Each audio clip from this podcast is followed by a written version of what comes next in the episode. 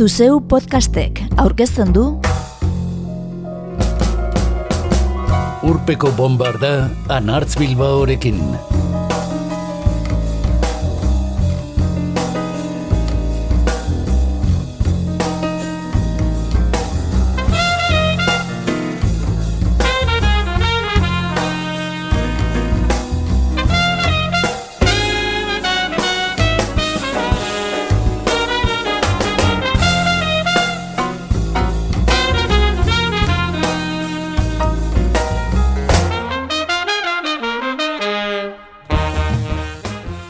Milagarren urtean gaude. Xabi Ugarte Bartzelonara doa. Euskal Herriko giro politiko itogarritik alden du eta han artista bizitza bat eraikitzeko asmoz. Oe bat bilatu, lagunak ezagutu, hiri handiko bizimodura moldatu nahian hasiko da, baina txikitatik ezagutu duen bortizkeria polizialak historiaren pisua edo patuaren eskua bailitzan, gertutik jarraituko dio. Eleberri unkigarri umoretzu eta aldi berean dramatikoa sortu du Lander Garrok, Euskal Gatazka eta eguneroko labexomorroak nahazten dituena. Iez egin beharraren malura eta harreman sentimentalen oreka zaila. Cartier Bresson eta Ravaleko prostitutak topatuko ditugu bere horrietan. Zinema egin nahi duten gazteak eta jonkiak. Euskal Herria idealizatzen duten katalanak eta txilotuei souvenirrak eskatzen dizkieten poliziak.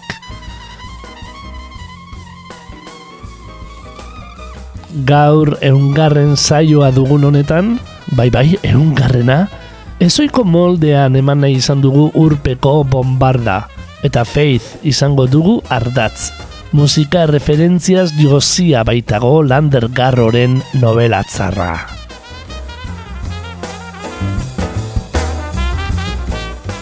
Esperientzia bitxia da lapurtua izatearena. Lehenik sustoa eta gero ezin zinetzia amarramabos bat minutu ematen dituzu ideia txoro horrekin borrokan. Ez da egia, esaten duzu. Eta berriz azten zara jadanik arakatu dituzun bazterrak arakatzen. Mai bat oso gauza simplea da. Bi segundotan ikusten duzu ez dagoela ezer. Baina behin eta berriz begiratzen duzu. Ezin onartu. Pentsa, egunkari amaitik jaso dut poltzaren azpian ote zegoen ikusteko, eta ez behin. Gero poliziaren gana joan naiz eta ez da hobea izan. Nahiko patetikoa da poliziaren aurrean salaketat jartzea, salatariarena egitea delako. Instituzioa zuritzen duzu salaketat jarriz, eta nire bizitzan nahi dudan azken gauza horixe da, poliziari inolako mesederik egitea. Baina nortasun agiria eta alakoak nituen eta zera, azkenean erabaki dut egokiena horixe izango zela.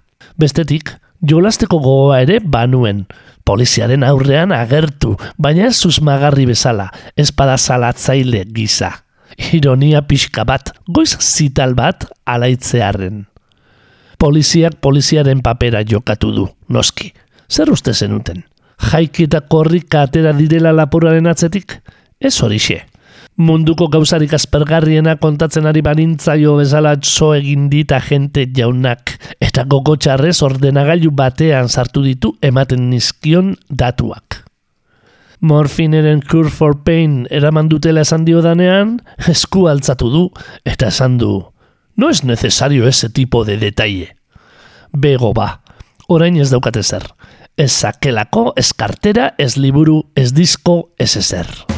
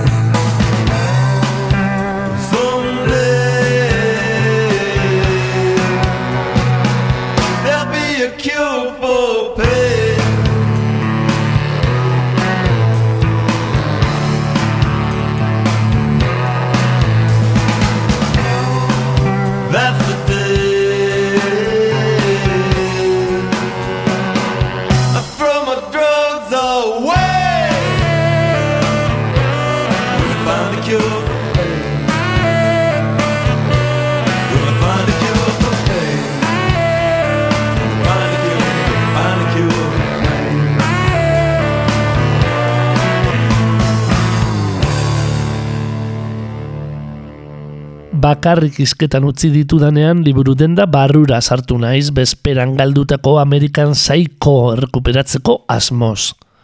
Bidean, Elton Johnen Goodbye Yellow Brick Root ibili dut Espainetan. Kaskezurrean sartu zait, zer egingo zaio? Where are you gonna come down? When are you going to land? Bi mila bider kantatut ere ez naiz aspertzen. Noiz hartuko duzu lur? Nik jakingo banu. Okerrena da Elton John gorroto nuela Lars von Trierrek Breaking for Waves filmerako soinu bandan sartu zuen arte. Ordura arte Inglaterrako monarkiaren zapatak miaskatzen zituen pailazotzat neukan. Von Trierren filmean Chapter 6 Faith ikusi nuen arte. Seigarren kapituluaren aurkezpena. Paisaia bat, eskarretara lainoek estalia, eskuinetara eguzkiak argitua. Errepite batek zeharkatzen duen paisaia berde bat, eta bertan auto bat, mantzo bidean aurrera. Kamera geldirik dago, planoan ikusten den mugimendu bakarra autoarena da. Haren gainetik, Goodbye Yellow Brick Root kantua. Eta ideia bat, fedea. Fedea jangoinkoaren gan edo fedea norberaren gan. Dilema bat. Ez denak hogei segundu doi irauten ditu, baina geratuko zinateke bizitzen. Badakizu ezin nauzula betiko bezarkatu. Berni taupinen hitzak ditu, beste kantu askok bezala. Ozeko astia filma gogoan zeukala idatzi omen zuen kantua, eta urtzarora itzultzeari buruz ziar duen. Taupin irudikatzen dut hitzak Elton Johni entregatzen, biak sofa estampatu batean eserita. Dear, esan dio Johnek, I love it, bitch!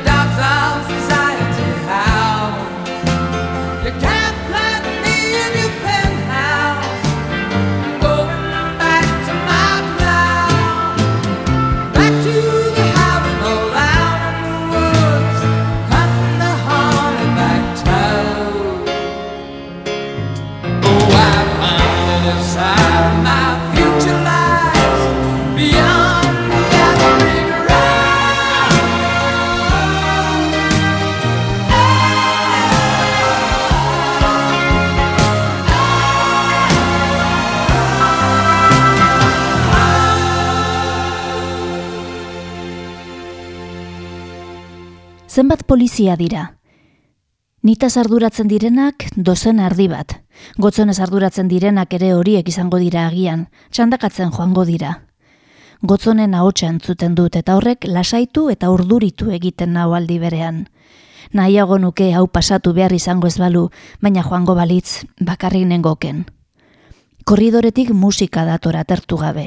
Disko amaitzean berriz hasten da, eta berriz. Mekanoren kantuak dira. Nire izebak etxean zeukan haien disko bat. Sombraki, sombralla, makillate, makillate, un espejo de cristal, imirate, imirate.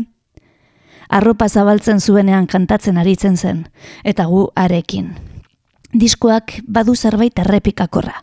Kantu guztiak akorde berberekin sortuak izan balira bezala, eta desio dudan gauza bakarra da norbaitek eten dezan kuluska bat egiteko sikiera. Kuluska bat egiten baduzu ordea, segituan sartzen dira poliziak. Ez galdeketak egiten dituztenak, baizik eta korridorean zaintzan aritzen direnak. Horretarako edozein aitzakia baliatuta. Buenos días, ¿quieres desayunar? Eta handik bos minutura. Buenas noches, ¿quieres cenar? Ez dakit egun batote daramadan hemen edo bost urte gau eta egun daukat argia pizturik. Ez dakit goiza edo arratsa den. Zapaltzen dudan lurra kendu izan balidate bezala. Nei lamstron txiki bat naiz, ilargia zapaldu berri. No me mires, no me mires, no me, no me, no me mires, no me mires, no me mires, déjalo ya. Que no me he puesto el maquillaje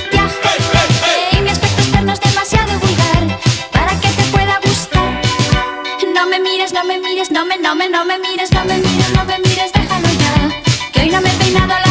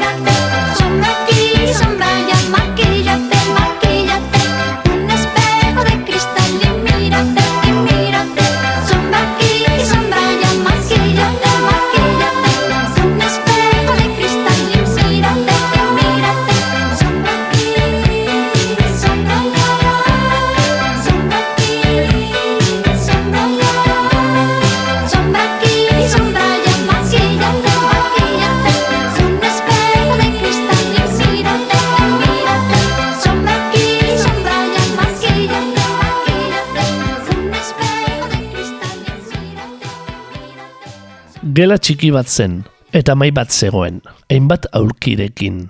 Hala ere, zutik hartu ninduten bi forentzeek, bizitaren iraupena iragarriz bezala. Protokoloaren parte izango zen. Zor moduz dagoen galdetu eta alde. Poliziak egintzen du, amigo. Zer moduz nengoen galdetu zidatenean, etengabe musika ozen jartzen zutela esan nien, ez zidatela lorik egiten usten, ez atzeden hartzen, eta orduritasun handia eragiten zidala etengabeko soinu ark. Diskoa buelta eta buelta jartzen zutela, erotzen ari nintzela. Zein disko da? Mekanoren disko bat, ez dakit zein. Mekano, ez dago gaizki, ala? Arazo ez da mekano. Zein da arazoa orduan? Arazoa da erotzen ari naizela, orduak eta orduak ematen dituztelako musika kendu gabe. Nahi baduzu esango diegu diskoa aldatzeko? Hori nahi duzu? Esango diegu ez dakit adibidez oskorri jartzeko? Zer iruditzen oskorri? Oskorri ez dago gaizki, esan zuen, eta lagunari zo egin zion, eta gero niri. Espresiorik gabe zo egiten zidan medikuak. Izutu egin nintzen. Zin egiten dizuet izutu egin nintzela. Ez nekien ametzetan arioten nintzen. Ez nekien egoera reala zen edo nire burua ote zen amez gaizto ura asmatzen ari zena. Esango diego eskorri jartzeko? Tira, hemen apuntatuko dut. Zer iruditzen? Boligrafo hartu zuen eta horri batean idazten hasi zen. Oskorri. Izuak barru hausten zidala sentitu nuen. Nire raiak atera zituen, nire esteak eta birikak, eta haien ordez nire gorputz guztia kolonizatu zuen. Dardara txiki bat sentitzen nuen hanketan. Zer modu zaude, musikaren alde batera utzita, galdetu zidan emakumeak. Oso ondo, esan nuen, eta antxamaitu zen bizita.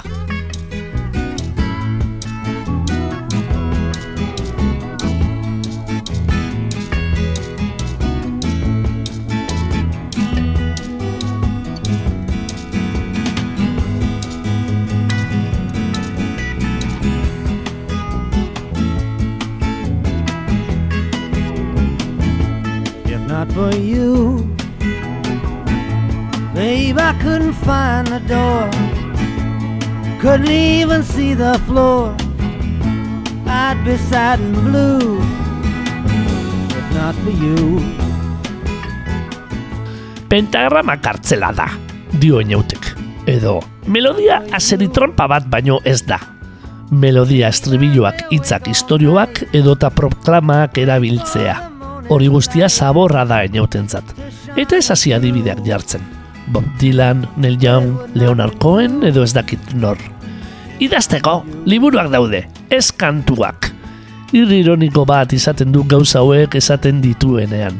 Ez dakizu seriotan ari den edo txantxetan, baina ez da bere bidetik ateratzen. Inoiz.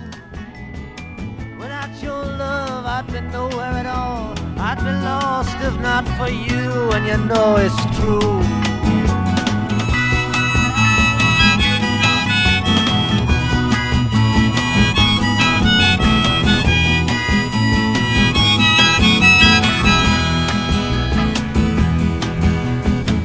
If not for you, my sky would fall, rain would gather too. Without your love, I'd be nowhere at all. Oh, what would I if not for you?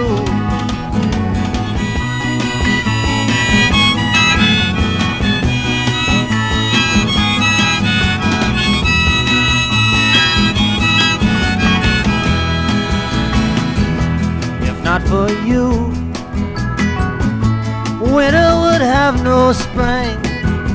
I couldn't hear the robins sing. I just wouldn't have a clue.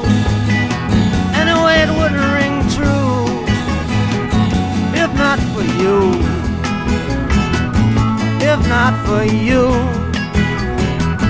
If not for you. If not for you. Marina emakume serioa eta metodikoa da. Beste bizitza batean erantzunkizun handiak izandako pertsona izango zen. Kleopatra moduko bat, herriak setiatzeko eta zuntzitzeko kapaz. Berea da etxearen, dendaren eta sugearen ardura. Pauk denetan laguntzen du, baina gregarioa da. Liderraren esanetara dagoen izaki lehiala, indartzua eta grinatzua. Ez dut etxe honetara ekarri pentsatzeko, egin desan baizik. Tarteka faraoia estali, bere gizon erantzunkizunak ahaztu gabe, eta buelta beharretara. Ondo moldatzen dira Pau eta Marina, baina ez dituzu inoiz maite zaitut ka entzungo. Haien arteko harremana kontu periferikoetan oinarritzen da.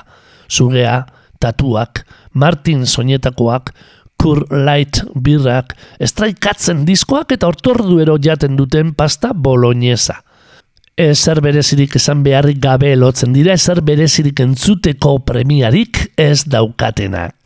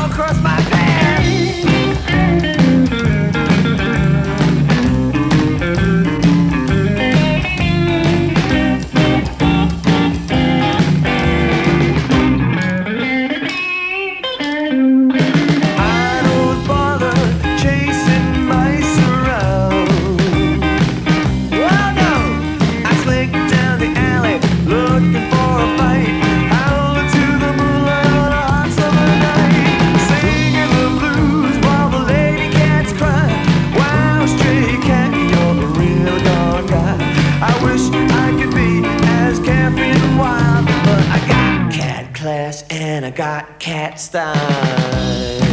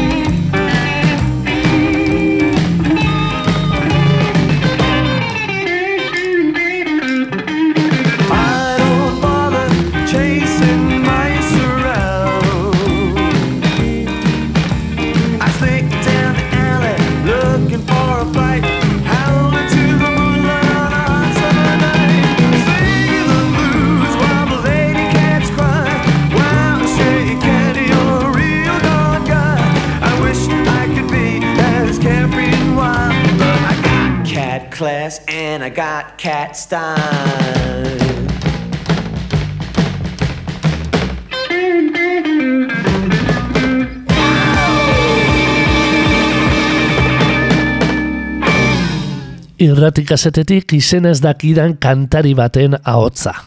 Orain ordea, badatoz galderak, maitia. Utzi ditzagun alde batera erantzunak, entzuteko prest ez bagaude. Kantautor euskaldun berri bat da. Arraro xamarra. Udako apartamentuen behin-behineko tasun prekarioa dario etxeari. Egurrezko apalategiak, presaka margotutako hormak. Baldoz asko zoro zuri ez oso garbia. Kortauñaz bat mai gainean. Pisako dorrea da ormanen kontra dagoen apalategia. Haren gainean telefono finko gorri bat, telefono gida, ceramikasko objektu identifika ezin bat, eta aurrean argazki bat oreka eskasean. Ezagutzen ez ditudan irribarre bi argazkian. Mai azpian espartin bat bikotekiderik gabe. Kaletik mailu neumatiko baten zarata sartu denean esan diot amak edan egiten duela eta gogorra dela horeretara itzultzea. Eta are gogorragoa dela horeretatik itzultzea. Traizioa egiten ari naizela sentitzen dudalako. Irratik azetetik ere protesta emozionalak datoz. Negar egiten dudanean, hor zaudezu. Beti.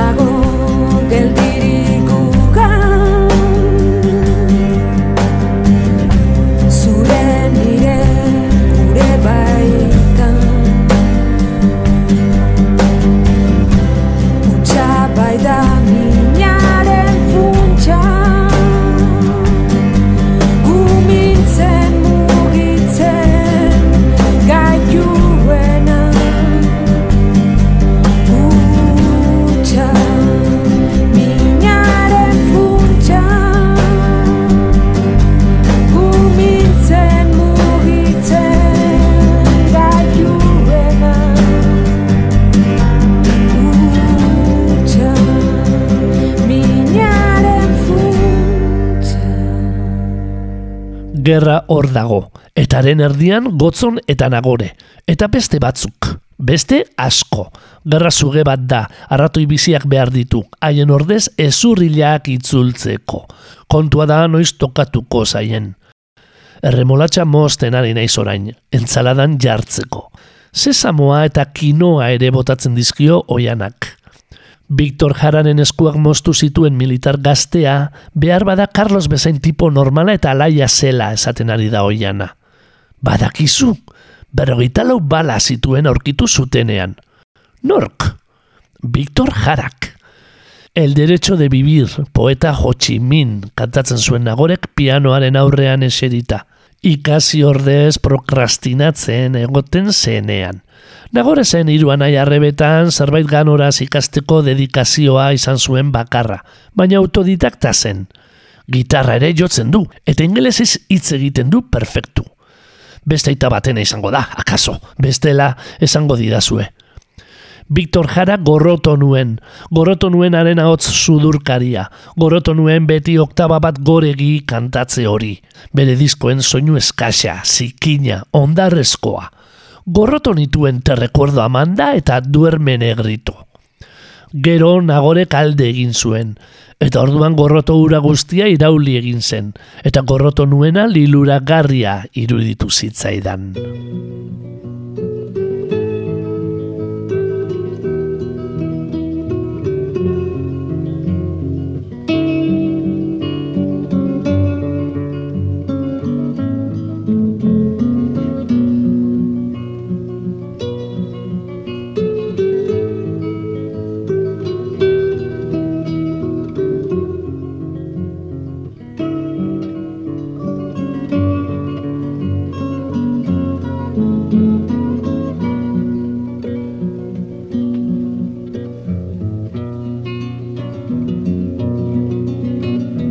Yo no canto por cantar, ni por tener buena voz. Canto porque la guitarra tiene sentido y razón. Tiene corazón de tierra y alas de palomita. Es como el agua bendita, santigua glorias y penas. Aquí se encajó mi canto, como dijera Violeta guitarra trabajadora con olor a primavera.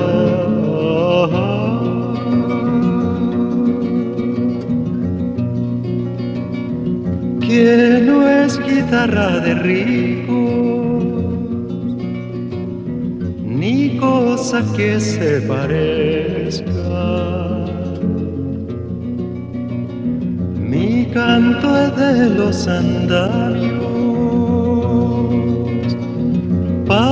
alcanzar las estrellas. Que el canto tiene sentido cuando palpiten las venas del que morirá cantando las verdades verdaderas. Lisonjas fugaces, ni las famas extranjeras, sino el canto de una lonja hasta el fondo de la tierra.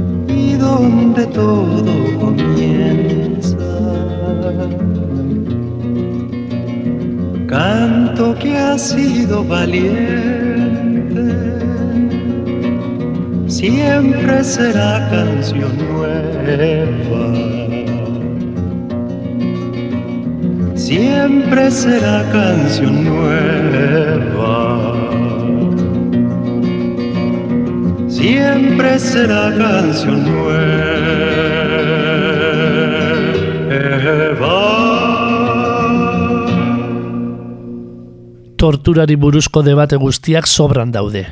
Bai edo ez, batzuetan edo beti, kolpeekin edo gabe, demokrazian diktaduran baino harinago edo gogorrago, dena dago sobran. Komisaria zer den, komisarian bakarrik jakin daiteke.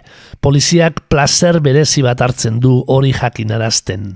Todo lo que te han contado es una broma al lado de lo que te vamos a hacer.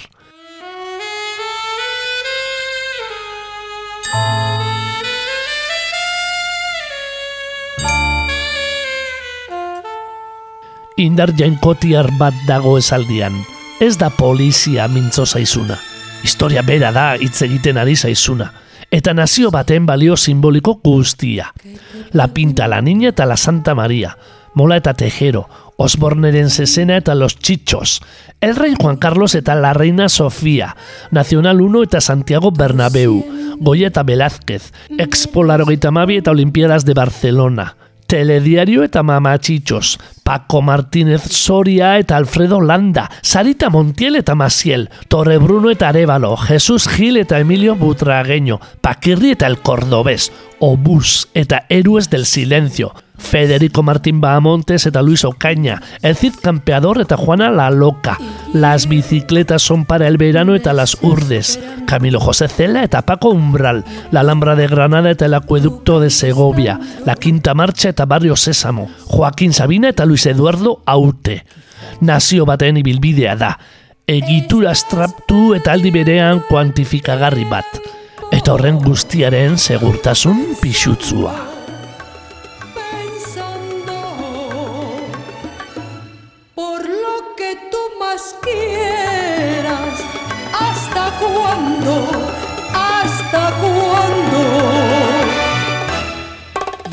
Así pasan los días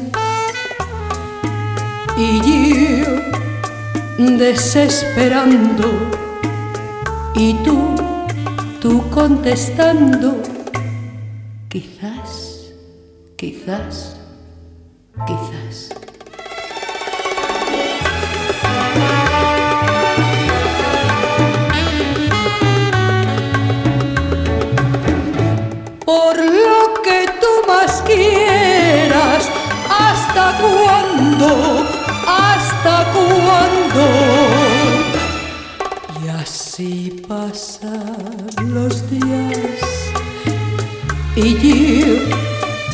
Desesperando y tú, tú contestando.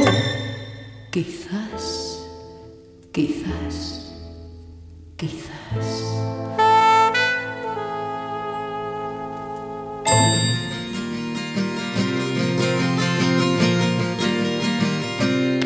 Azalpen gehiegi eman barko genizkioke ordea.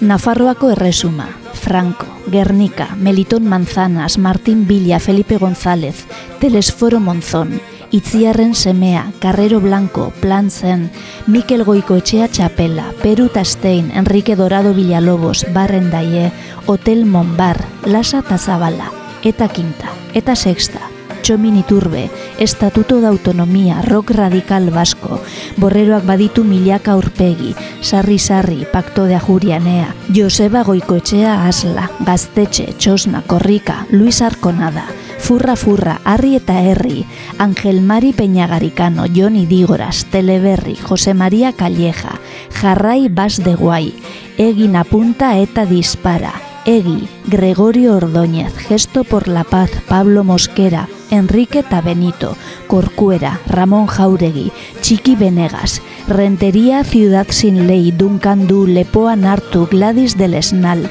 Si te mandan una carta, Ni poeta kaskar bat naiz, Emostasuz musutxuek, Egin, Josu Muguruza, Jaime Mayor Oreja, La foto del terrorista más buscado, Firin Faran, Goenkale, Marino Lejarreta, Gernikako Arbola, Bosteun da irurogeita lau oe huts, Enamorado de la muerte, Josea Zurmendi, Nire aitaren etxea, ez da posible ezin liteke, Amnistiaren dema, Hiperkor, Guerra de las Banderas, Genar Andrinua, Vasco sí eta no, San Pedro eta San Juan, San Fermín, Joies, La Tigresa, Gazte akampada, Pepe Rei, Florena Oiz, Txillardegi, Amaika Pauso, Itziarra Izpuru, Andoni Egaña, Txotx, Marea Gora, Jaiak bai, Borroka ere bai, Jaietan jai, Antes Manolo, ahora Imanol, Festival de Cine de San Sebastián, Amalur, Kuoskuetan dem, Tasio, Abuztuaren amabusteko bazkalondoa, La muerte de Mikel, Obabakoak, Guggenheim, Marco Incomparable, Euskadi jende gutxi, Euskadi ben ikuentalo, Euskadik taberna bat dirudi, Euskadi merezi zuten, o Euskadi. Dena.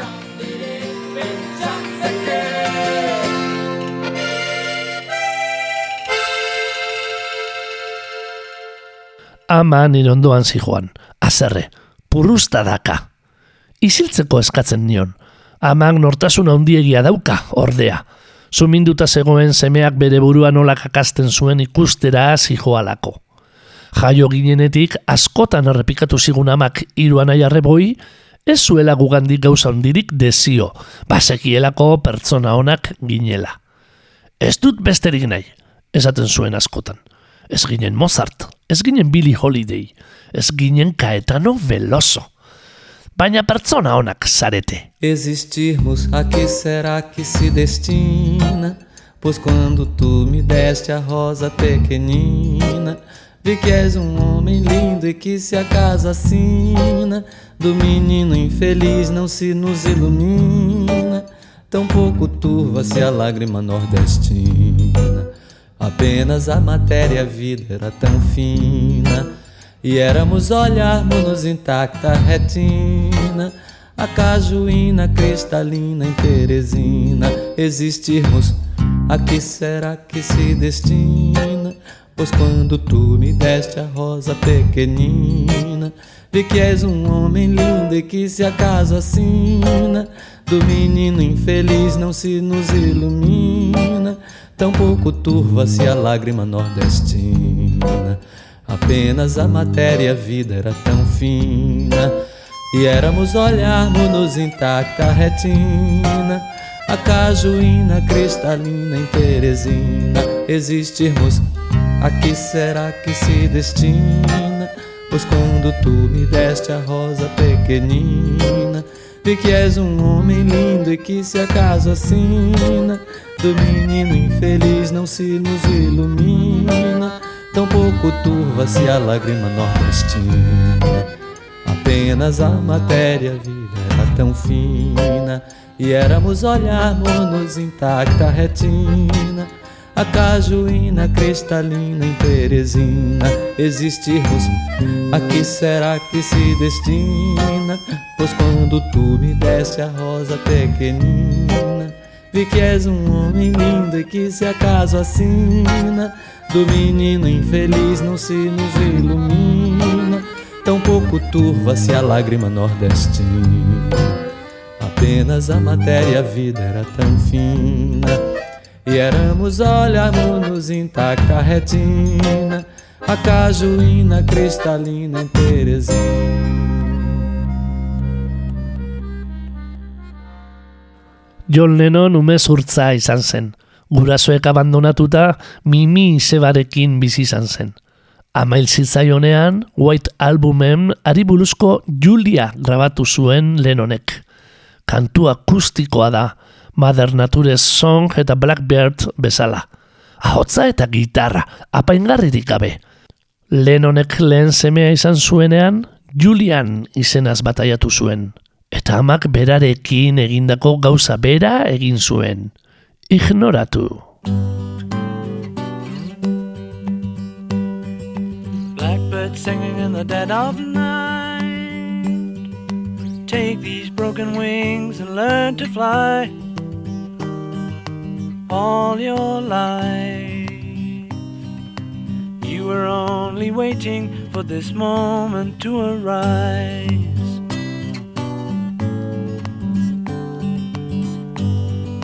Blackbird singing in the dead of night. Take these sunken eyes and learn to see all your life. You were only waiting for this moment to be free. Blackbird fly. Blackbird fly into the light of a dark black night.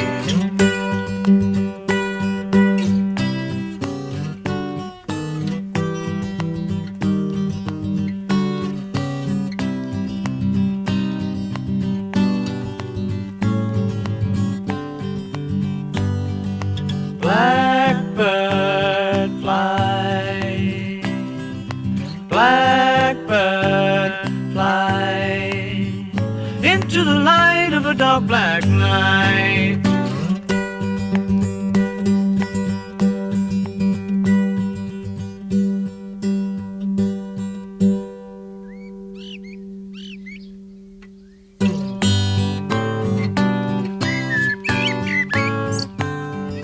Blackbird singing in the dead of night. Take these broken wings and learn to fly all your life. You were only waiting for this moment to arise. You were only waiting for this moment to arise.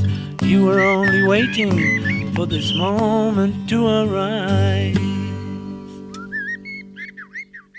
Artearen historiari buruzko liburu gehienak hogeigarren mendearen bigarren erdialdean idatzi zirela dio Tomasek. Irrogeita marreko amarkadatik aurrera bereziki. Eta hor dagoela artista jankotiarren eta artista paganoen arteko muga.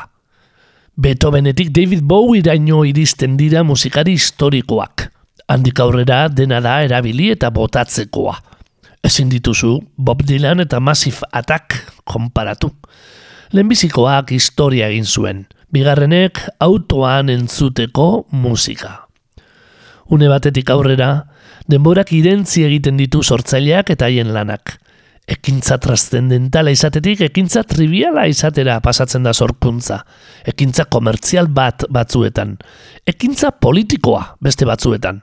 Baina zerk ez dauka ansturaren gurpiletik libratzeko estatus nahikorik.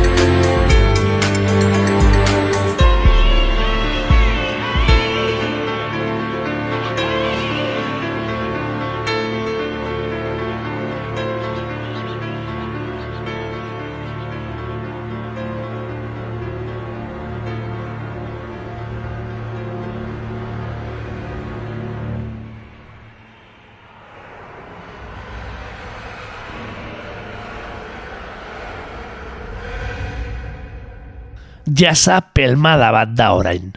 Zaila da inautekin hitz egitea eztabaida batean murgildu gabe, alako gauzak esaten ditu eta. Miles Davis pelma bat da. Geniala nahi baduzu, onena ados, baina pelma bat azken batean. Handik ordu betera ordea, Duke Ellingtonen In a Sentimental Mood munduko melodia ederrena dela esango dizu. Zaila da harrapatzen, baina oitu egiten zara.